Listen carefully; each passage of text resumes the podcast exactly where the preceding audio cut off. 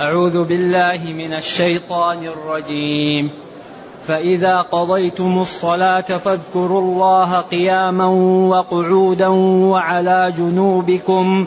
فإذا اطمأننتم فأقيموا الصلاة.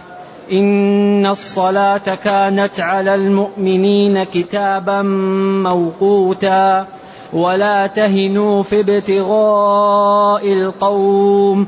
إن تكونوا تألمون فإنهم يألمون كما تألمون وترجون من الله ما لا يرجون وكان الله عليما حكيما إنا أنزلنا إليك الكتاب بالحق لتحكم بين الناس بما أراك الله ولا تكن للخائنين خصيما. واستغفر الله إن الله كان غفورا رحيما. الحمد لله الذي أنزل علينا أشمل الكتاب وأرسل إلينا أفضل الرسل وجعلنا خير أمة أخرجت للناس. فله الحمد وله الشكر على هذه النعم العظيمة والآلاء الجسيمة. والصلاة والسلام على خير خلق الله وعلى آله وأصحابه ومن اهتدى بهداه. أما بعد فإن الله تعالى يبين في هذه الآيات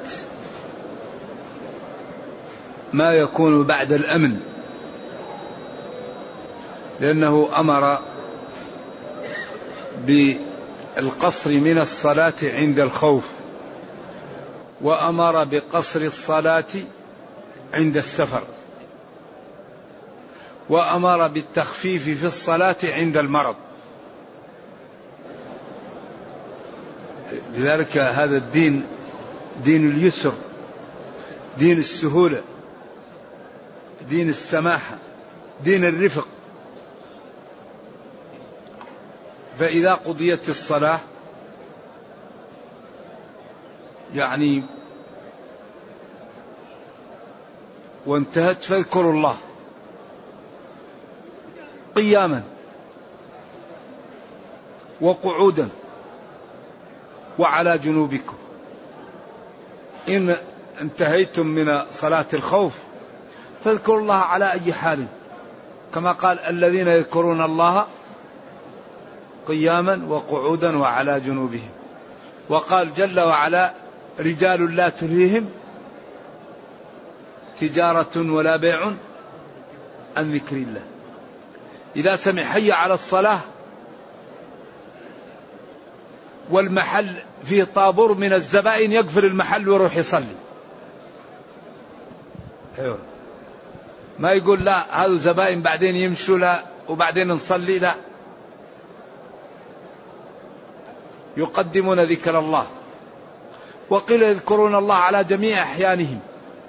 يمشي نايم جالس والأول أظهر.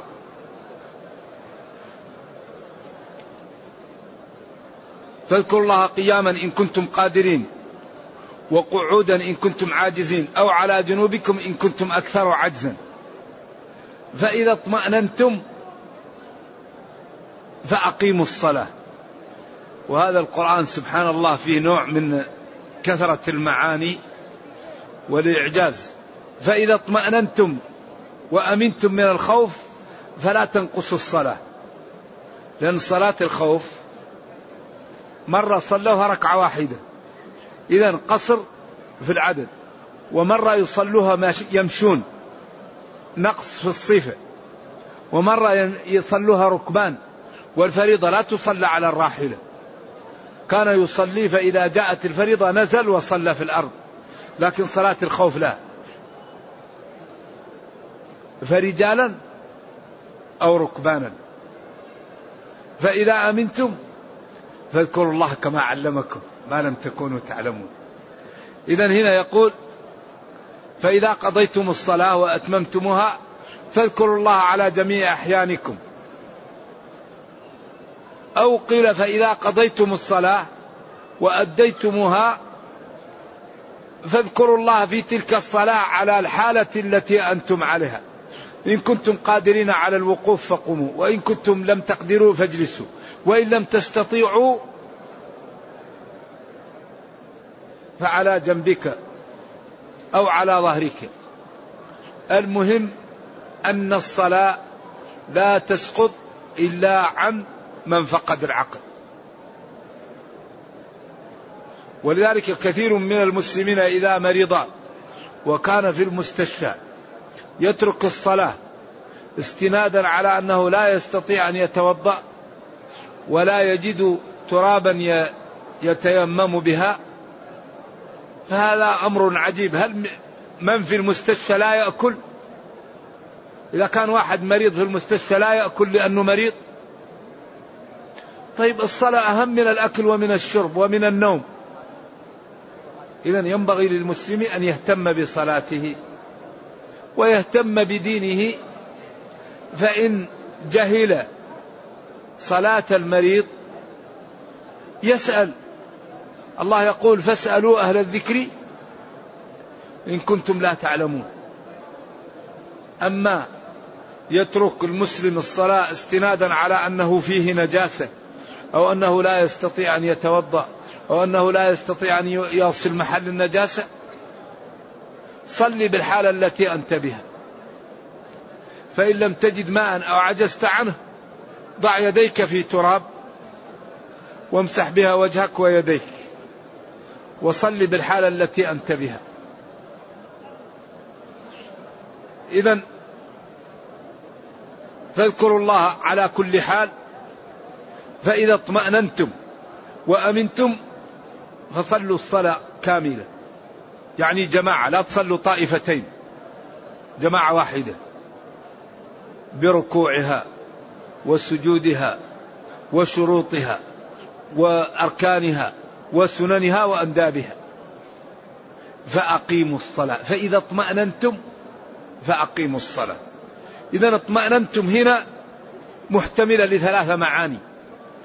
وهذا من كثرة معاني القرآن. إذا اطمأننتم من الخوف. إذا اطمأننتم واسترحتم من السفر. إذا اطمأننتم وشفيتم من المرض.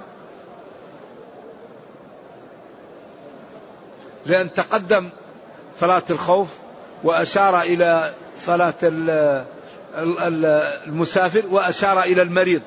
فهنا قال فإذا اطمأننتم.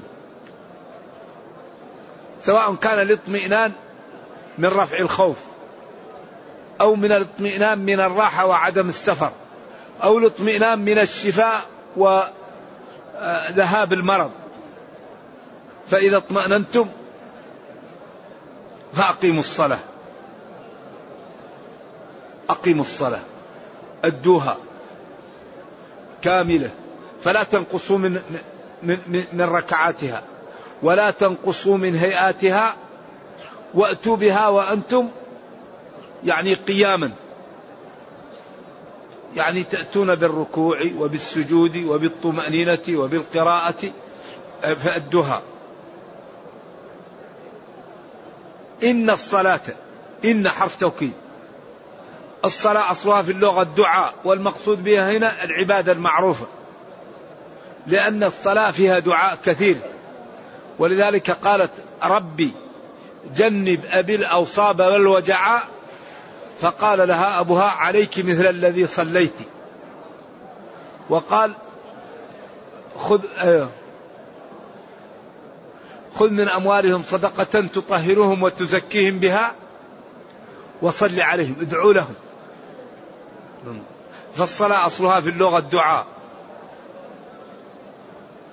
إن الصلاة هذه الفريضة كانت ولم تزل على المؤمنين كتابا مكتوبة يعني واجبة مؤقتة بأوقاتها. إذا الصلاة هذه محددة. الظهر له بداية. إذا ثالت الشمس من كبد السماء حتى يصير كل ظل شيء مثله. والعصر يبدأ إذا صار ظل شيء مثله. ثم إذا صار مثلي. وأبو حنيفة يقول إن العصر يبدأ إذا صار ظل كل شيء مثليه. ويزول الوقت وتكون الصلاة قضاء إذا غربت الشمس. والمغرب إذا وجبت الشمس يبدأ. ثم إذا زال الشفق. والتحقيق أن المغرب له وقتين. عند غروب الشمس ويستمر حتى يزول الشفق. ثم يبدأ المغرب العشاء من زوال الشفق إلى إيش؟ إلى ثلث الليل. ويبقى الضروري إلى أن يطلع الفجر. ومشتركتي الوقت يجمع بينهم. والفجر ما في شيء مشترك معه. ولذلك لا ما ما ورد أن أن أن الفجر جمع مع غيره. لا مع الظهر ولا مع العشاء. ولكن صلى سبعا مع بعض وصلى أربعة ثمانا مع بعض. أما ما صلى ستا. ما جمع مع ال مع ال الفجر. ولذلك قال صلوا كما رأيتموني أصلي. والفجر عند طلوع الفجر الصادق ويستمر الوقت إذا طلعت الشمس يصبح قضاء. إذا طلعت الشمس يصبح الفجر قضاء. وإذا طلع الفجر يصبح العشاء والمغرب قضاء. وإذا غربت الشمس يصبح العصر والظهر قضاء. إذا في وقت يعني مختار في وقت ضروري وفي وقت خارج. وفعل العبادة في الوقت المعين لها يسمى الأداء. وفعل العبادة في الوقت الخارج عنها يسمى قضاء. إذا الصلاة كانت على المؤمنين كتابا موقوتا مؤقتا. واتفق الأئمة الأربعة على أن تارك الصلاة لا يخالط المجتمع وأن حياته غير شرعية ومذهب أبي حنيفة واضح. ومذهب الإمام أحمد واضح. ومذهب مالك والشافعي فيه نوع خفاء. لأن أبا حنيفة يقول تارك الصلاة يسجن ويضرب. لأن النبي صلى الله عليه وسلم يقول لا يحل دم امرئ مسلم إلا بإحدى ثلاث. زنا بعد إحصان وكفر بعد إيمان وقتل النفس المعصومة بغير حق. عمدا. هذا الذي تحل به دماء المسلم دماء المسلمين. وتارك الصلاة عند أبي حنيفة ليس من الثلاثة. إذا يسجن ويضرب حتى يصلي أو يموت. إذا هذا واضح. الإمام أحمد رضي الله عنه في الرواية التي عليها الفتوى عند جلة من العلماء وبالأخص في الوقت الحاضر يقولون إن ترك الصلاة تهاونا وتكاسلا كفر بالله تعالى. ويقولون ليس بين العبد أو الشرك إلا ترك الصلاة. من ترك الصلاة فقد كفر. من ترك الصلاة فهو مع فرعون وهامان وقارون وأبي بن خلف. ومن المعروف عند المتوسعين في اللغة أن المجازات لا تؤكد. يعني المجازات التوسع في العبارة لا يؤكد بهذه الطريقة. فقوله مع أبي بن خلف وهامان وقارون هذا تأكيد للكفر. فلو كان كفر دون كفر لما أكد هذا التأكيد. كما قال لا يزني الزاني حين يزني وهو مؤمن. إذا هذا أيضا واضح حكمه. لأنه من بدل دينه فاقتلوه. لكن مذهب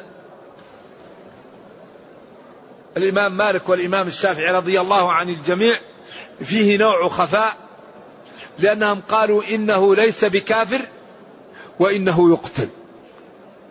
إذا ما قال أبو حنيفة إنه يعزر ويضرب حتى يصلي أو يموت واضحة من النصوص.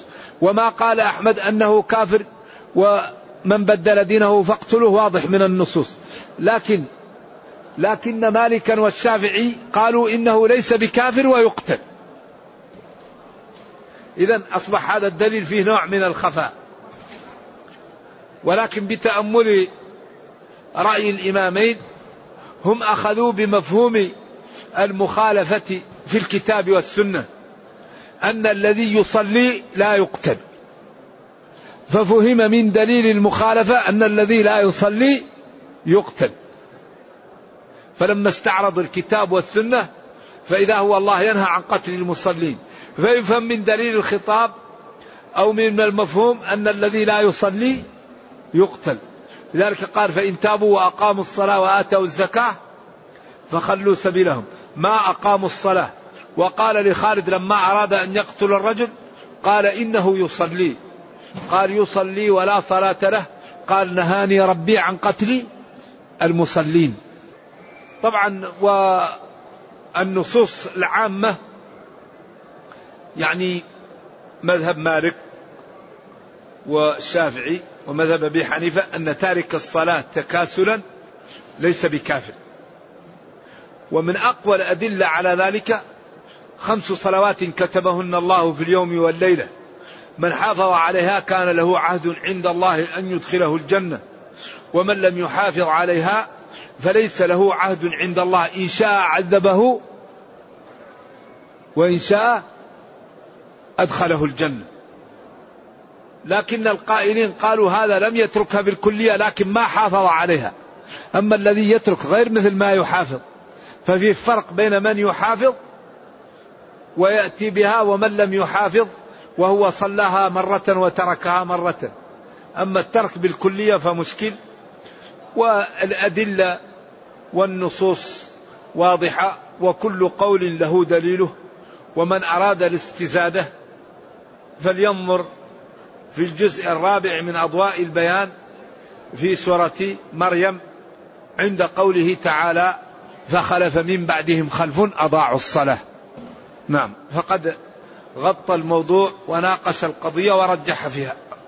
رحمة الله علينا وعلى الجميع وعليه.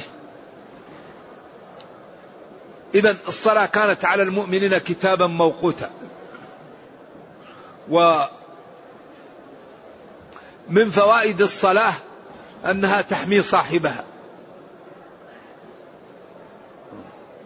إن الصلاة تنهى عن الفحشاء والمنكر. من فوائد الصلاة أنها تسبب الغنى. وأمر أهلك بالصلاة واصطبر عليها. لا نسألك رزقا نحن نرزق الله يرزقك. لأن الصلاة تأخذ الوقت والمال يكسب بالوقت. فإذا كان المسلم يصلي خمس صلوات في المساجد وتحتاج إلى وضوء وقد تكون المساجد ليست قريبة من البيت وبين الأذان والإقامة بعض الوقت. خمس صلوات هذا يأخذ عليه ساعات. هذه الساعات لو فتحها أو باع أو اشترى ينتج مال. فكأنه لما قال له وأمر أهلك بالصلاة واصطبر عليها قال طيب كيف نعيش؟ هذه الصلاة تأخذ مني الوقت. ربنا قال له لا نسألك رزقا نحن نرزقك. الله يرزقك. قالوا من أكبر أسباب الرزق المداومة على الصلاة في الجماعة. أيوة تعطيك الرزق. بعدين الصلاة تقوي بدنك. بعدين أحسن رياضة في الدنيا الصلاة. بعدين لا تفقع عين ولا تكسر سن ولا تكسر ظهر. صلاة عجيبة. ولذا أركع حتى تطمئن راكعا. ثم ارفع حتى تعتدل قائما. ثم اسجد حتى تطمئن ساجدا. ثم ارفع حتى تطمئن جالسا. ثم افعل ذلك في صلاتك كلها. يسجد. حتى ولذا الذين يصلون في الليل تكون وجوههم نظيرة وأجسامهم صحيحة وحسناتهم كثيرة. وإذا دعوا ربهم استجاب لهم. ولذلك مدحهم ربهم بقوله تعالى تتجافى جنوبهم. تتجافى جنوبهم عن المضاجع يدعون ربهم خوفا. خوفا مما أعد الله للمجرمين وطمعا مما أعد الله للمتقين. وبعدين ومما رزقناهم ينفقون. فلا تعلم نفس ما أخفي لهم من قرة أعين. والله هذا الدين دين الإسلام هذا دين رائع الحقيقة. ديننا دين رائع جميل. بس يحتاج أن نعطيه الوقت. نقرأ نفهم نعمل نعتز بالإسلام. وقال إنني من المسلمين. المسلم لازم يعتز بالإسلام. كيف المسلم يستحي أنه, أنه يتمسك بدينه. يعني ولذا لا بد للمسلم أن يعتز بهذا الدين. لأنه دين لا يوجد شيء إلا وهو محلول فيه. الآن في هذا التطور المذهل وفي هذا الوقت الذي وصلت المعلومات بشيء مذهل لا توجد قضية إلا وهي في كتابنا. تبيانا لكل شيء.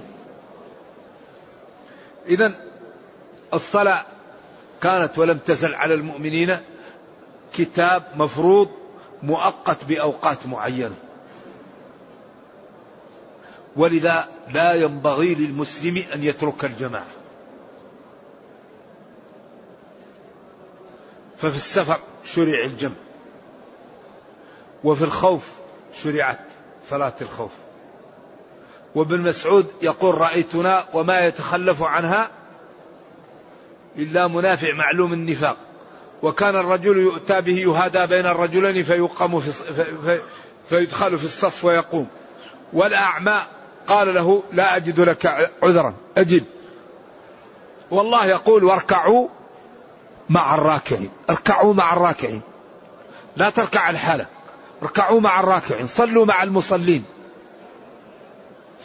وبإذن الله المسلم إذا حافظ عليها تكون له السياج. عن الغيبة وعن ضياع الوقت وعن النميمة وتجعل له رصيد كبير فلنحافظ على الصلاة في الجماعة. ثم يقول جل وعلا ولا تهنوا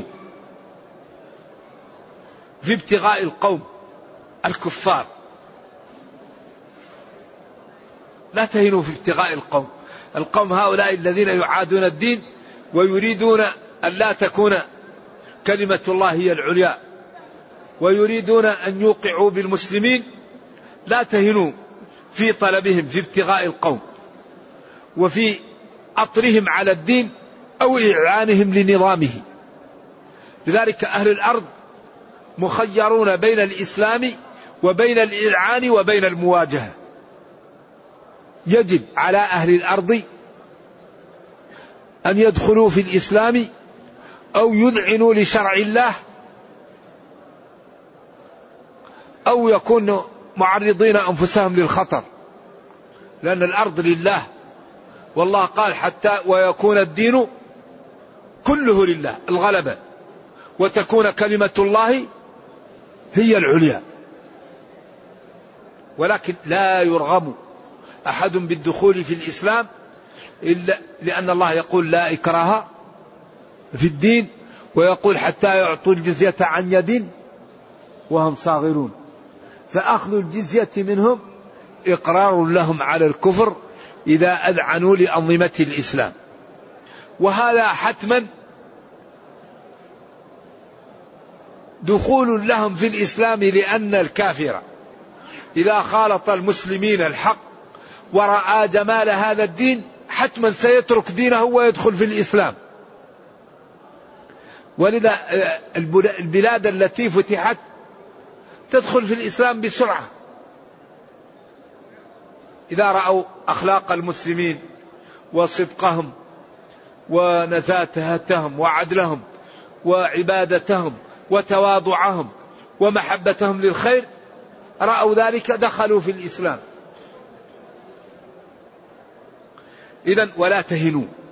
الهوان هو الضعف والشيء الهين الضعيف الذي لا يبال به. والذي يهن يسهل الهوان عليه. من يهن يسهل الهوان عليه. ما ما ما بجرح بميت إيش؟ إلام. ولذلك من المؤسف أن تكون الأمة المسلمة لا تهن على أنفسها. هذه مشكلة. نعم. آه، يعني الكفار يضحون لنيل السبق الدنيوي. الكفار. اليهود والنصارى وغيرهم من من أهل الكفر يضحون ويبذلون الغالي والنفيس لأن يكونوا لهم العلو ولهم الريادة ولهم السبق ولهم المكانة والأمة المسلمة أعراضها دينها أنفسها أموالها مهددة بالخطر ولا تضحي. ونحن في عرفنا أننا لا نقبل الضيم الأمة المسلمة. قل هل تربصون بنا؟ إلا إحدى الحسنين وقال ومن يقاتل في سبيل الله إيش؟ فيقتل أو يغلب. ومن يقاتل في سبيل الله فسوف نؤتيه أجرا عظيما على كل حال. في الحالين. ولذا يقول عمر عجبت من قوة أهل الباطل في باطلهم وضعف أهل الحق في حقهم لذا الحقيقة حري بالأمة أن تهتم بالمؤسسات تهتم بالعلم تهتم بالعقول تهتم بالاستشارة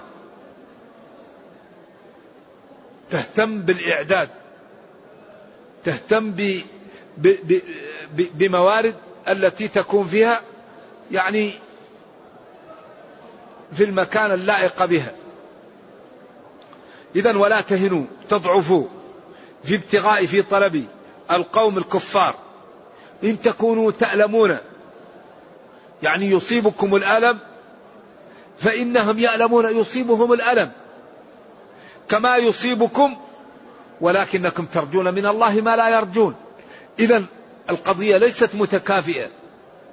أنتم تريدون الجنة تريدون العزة تريدون المكانة تريدون الغرف تريدون الفوز وهؤلاء يريدون الحياة. ما عندهم فكر إلا الحياة.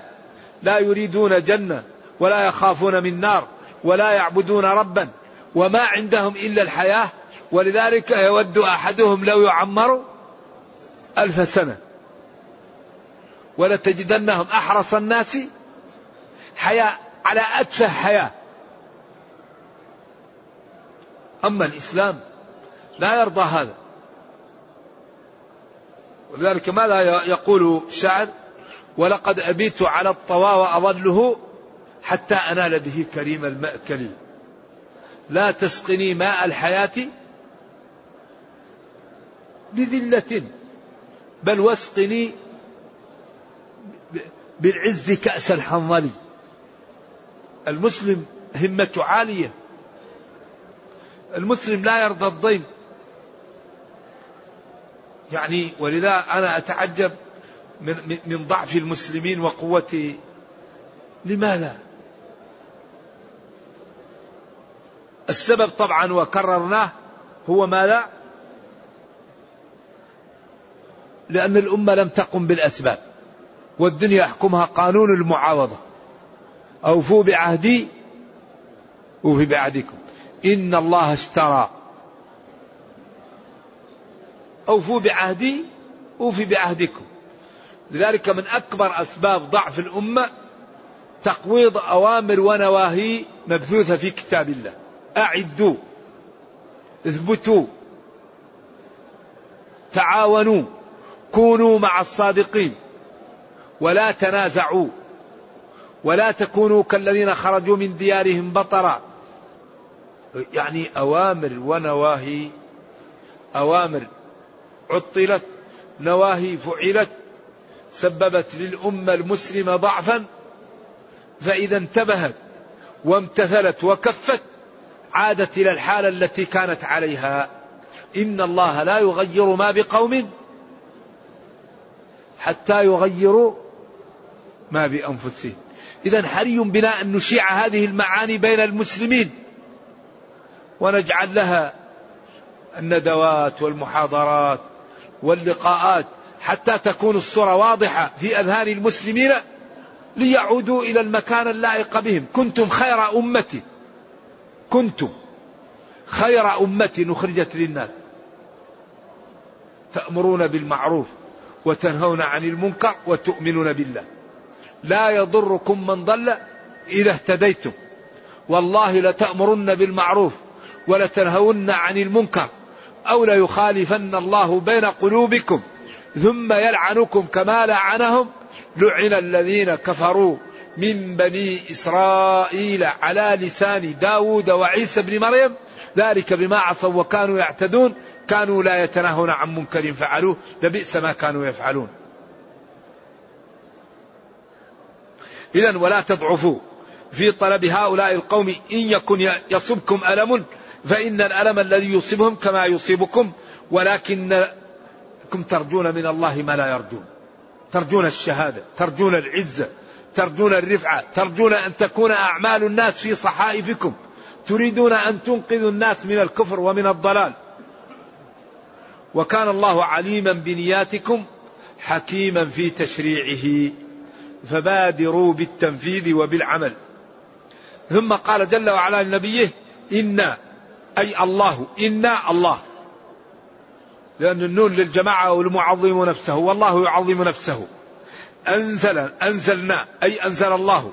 إليك يا محمد الكتاب القرآن متلبسا ومصاحبا للحق لكي تحكم بين الناس بما أراك الله. إذا يا نبي أنزلت إليك هذا الكتاب لتحكم بين الناس بما أنزلته إليك وبما فهمته مما أنزلته إليك ووضحته لك. ولا تكن للخائنين جمع خائن والخائن هو الغاش سواء بالسرقة أو بالكذب أو بالتزوير أو بغيره خصيما أي مخاصما ومجادلا عنهم. وذلك أن جماعة من أهل المدينة من بني أبيرق جاءوا لمشربة الأنصاري وكان فيها يعني طعامه وسلاحه ونقبوها في الليل وأخذوه وذهبوا به. ثم أودعوه عند يهودي أو في مكان ثم تبعه ابن أخي الرجل هذا فلما وجده ورأى أثر الدقيق كانت تسيل الكيس الذي فيه الدقيق حتى دخل وقالوا بني أبيرق أوقدوا نارا البارحة لأن الناس الظاهر كانت عندها قلة في الطعام. فسمعوا بذلك وأتوا بجماعتهم وألبوهم عند النبي صلى الله عليه وسلم وقالوا هذا أهل بيت صلاح وقد تهموهم بالسرقة فوقع في قلب النبي صلى الله عليه وسلم على الأنصاري وعلى وقال بيت صلاح تتهمونهم بما لا بالسرقة فنزلت الآية. نعم. إنا أنزلنا إليك يا نبي الكتاب لتحكم بين الناس بالحق. وتوضح ولا تكن للخائنين خصيما. بني أبيرق هم خانوا. ولا تكن خصيم عنهم لأنهم سرقوا مال الرجل ودسوه ووضعوا الأمر على آخر على يهودي آخر. لا يصلح لا. ولذلك الإسلام لا يقبل الظلم. لا يظلم أبدا الإسلام. سواء أنت صديقك أو يعاديك أو تحبه أو تكرهه الإسلام قائم على العدل. ولا يجرمنكم شنآن قوم على أن لا تعدلوا. اعدلوا. دين رائع. جاءت الآية تلوم وتبين أن بني أبيرق هذا هم الذين فعلوا هذا. واستغفر الله. إن الله كان غفورا رحيما. ونرجو الله جل وعلا أن يغفر لنا ولكم وأن يوفقنا لما يحبه ويرضاه. اللهم أرنا الحق حقا وارزقنا اتباعه وأرنا الباطل باطلا وارزقنا اجتنابه. وأن لا تجعل الأمر ملتبسا علينا فنضل. ربنا أتنا في الدنيا حسنة وفي الآخرة حسنة وقنا عذاب النار. اللهم أصلح لنا ديننا الذي هو عصمة أمرنا وأصلح لنا دنيانا التي فيها معاشنا وأصلح لنا آخرتنا التي إليها معادنا. واجعل الحياة زيادة لنا في كل خير والموت راحة لنا من كل شر. سبحان ربك رب العزة عما يصفون وسلام على المرسلين والحمد لله رب العالمين. والسلام عليكم ورحمة الله وبركاته.